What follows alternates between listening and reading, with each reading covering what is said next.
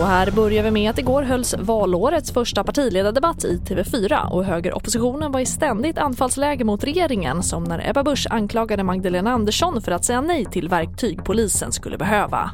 Och jag tvekar inte en sekund Men du duckar frågan. i den här riktningen. Du duckar frågan. Men- Jag Jag säger, att svenska tvekar inte en sekund och lyssnar fortsätta när i Sveriges den här statsminister duckar frågan.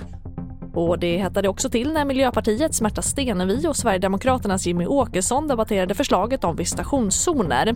Polisen föreslås att få rätt att i högre grad visitera personer i utsatta områden för att kunna beslagta vapen. Och Stenevi menar att förslaget är rasistiskt. Det skulle undergräva all framtidstro för de barn som sköter sig, för alla de hedliga människor som inte vill annat än slippa skjutningarna i områdena. Ja, men de kan ju slippa skjutningar i sitt område. De kan slippa farliga människor med vapen och vad det nu är i sina områden om polisen har befogenheter att kontrollera.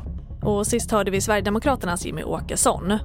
Och brittiska forskare och läkare har tagit fram en ny definition på långtidscovid för barn och unga som ofta får helt andra, mer svårfångade besvär än vuxna. Barn kan drabbas av trötthet, nedstämdhet och sömnsvårigheter. Och med en ny definition öppnas möjligheten till vetenskapliga studier och bättre behandlingar i framtiden. TV4-nyheterna, jag heter Charlotte Hemgren.